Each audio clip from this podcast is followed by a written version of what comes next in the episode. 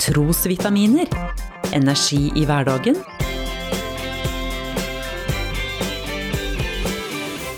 Ved Norea-pastor Svein Anton Hansen. Alt er mulig. Det umulige tar bare lengre tid. Ja, denne utfordringen og oppmuntringen trenger nok de fleste av oss å la oss inspirere av når vi står overfor oppgaver i livet som nærmest oppleves som uoverstigelige fjell. Jeg har så lett for å resignere og gi opp når jeg møter problemer som synes umulige å løse. Samtidig, historien viser oss stadig at det umulige likevel ikke var umulig. Ny teknologi gjør at vaksiner nå utvikles i et tempo forskere kun for få år siden ment var umulig. Romfartøy sendes og landes på nye planeter, hvor fartøyene faktisk styres med en joystick fra jorda. Også på det mer personlige og familiære plan overvinnes det umulige.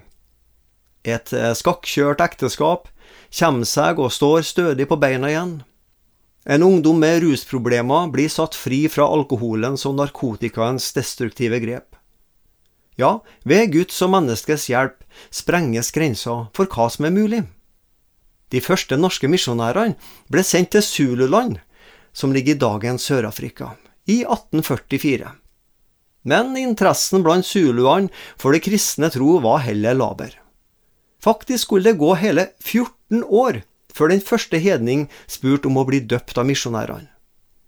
Misjonsoppdraget virka nærmest umulig, men var det ikke. Det umulige tok bare lengre tid. Det utenkelige, usannsynlige, trenger likevel ikke være umulig. Like fullt, noe var, er og vil alltid forbli umulig, nemlig å frelse seg sjøl. Uansett hvor mye eller hvor lenge du jobber med å forbedre deg for å imponere Herren Gud, så forblir det å frelse seg sjøl umulig. Her kommer jeg til grensen for det umulige. I møte med frelsen så er den viktigste oppgaven jeg har å gjøre, å innse at jeg kan gjøre ingenting. Jesus sa, hvor vanskelig det er for dem som har rikdom, å komme inn i Guds rike for det er lettere for en kamel å gå gjennom et nåløye enn for en som er rik å komme inn i Guds rike. Da disiplene hørte dette, så sa de, Hvem kan da bli frelst? Men Jesus sa, Det som er umulig for mennesker, det er mulig for Gud. Heldigvis, så både kan og vil Jesus Kristus ennå i dag frelse syndere. Han ser på det som en hyggelig og ingen umulig oppgave.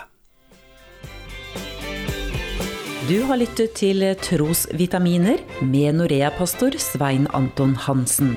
Du finner trosvitaminer på noreapastoren.no.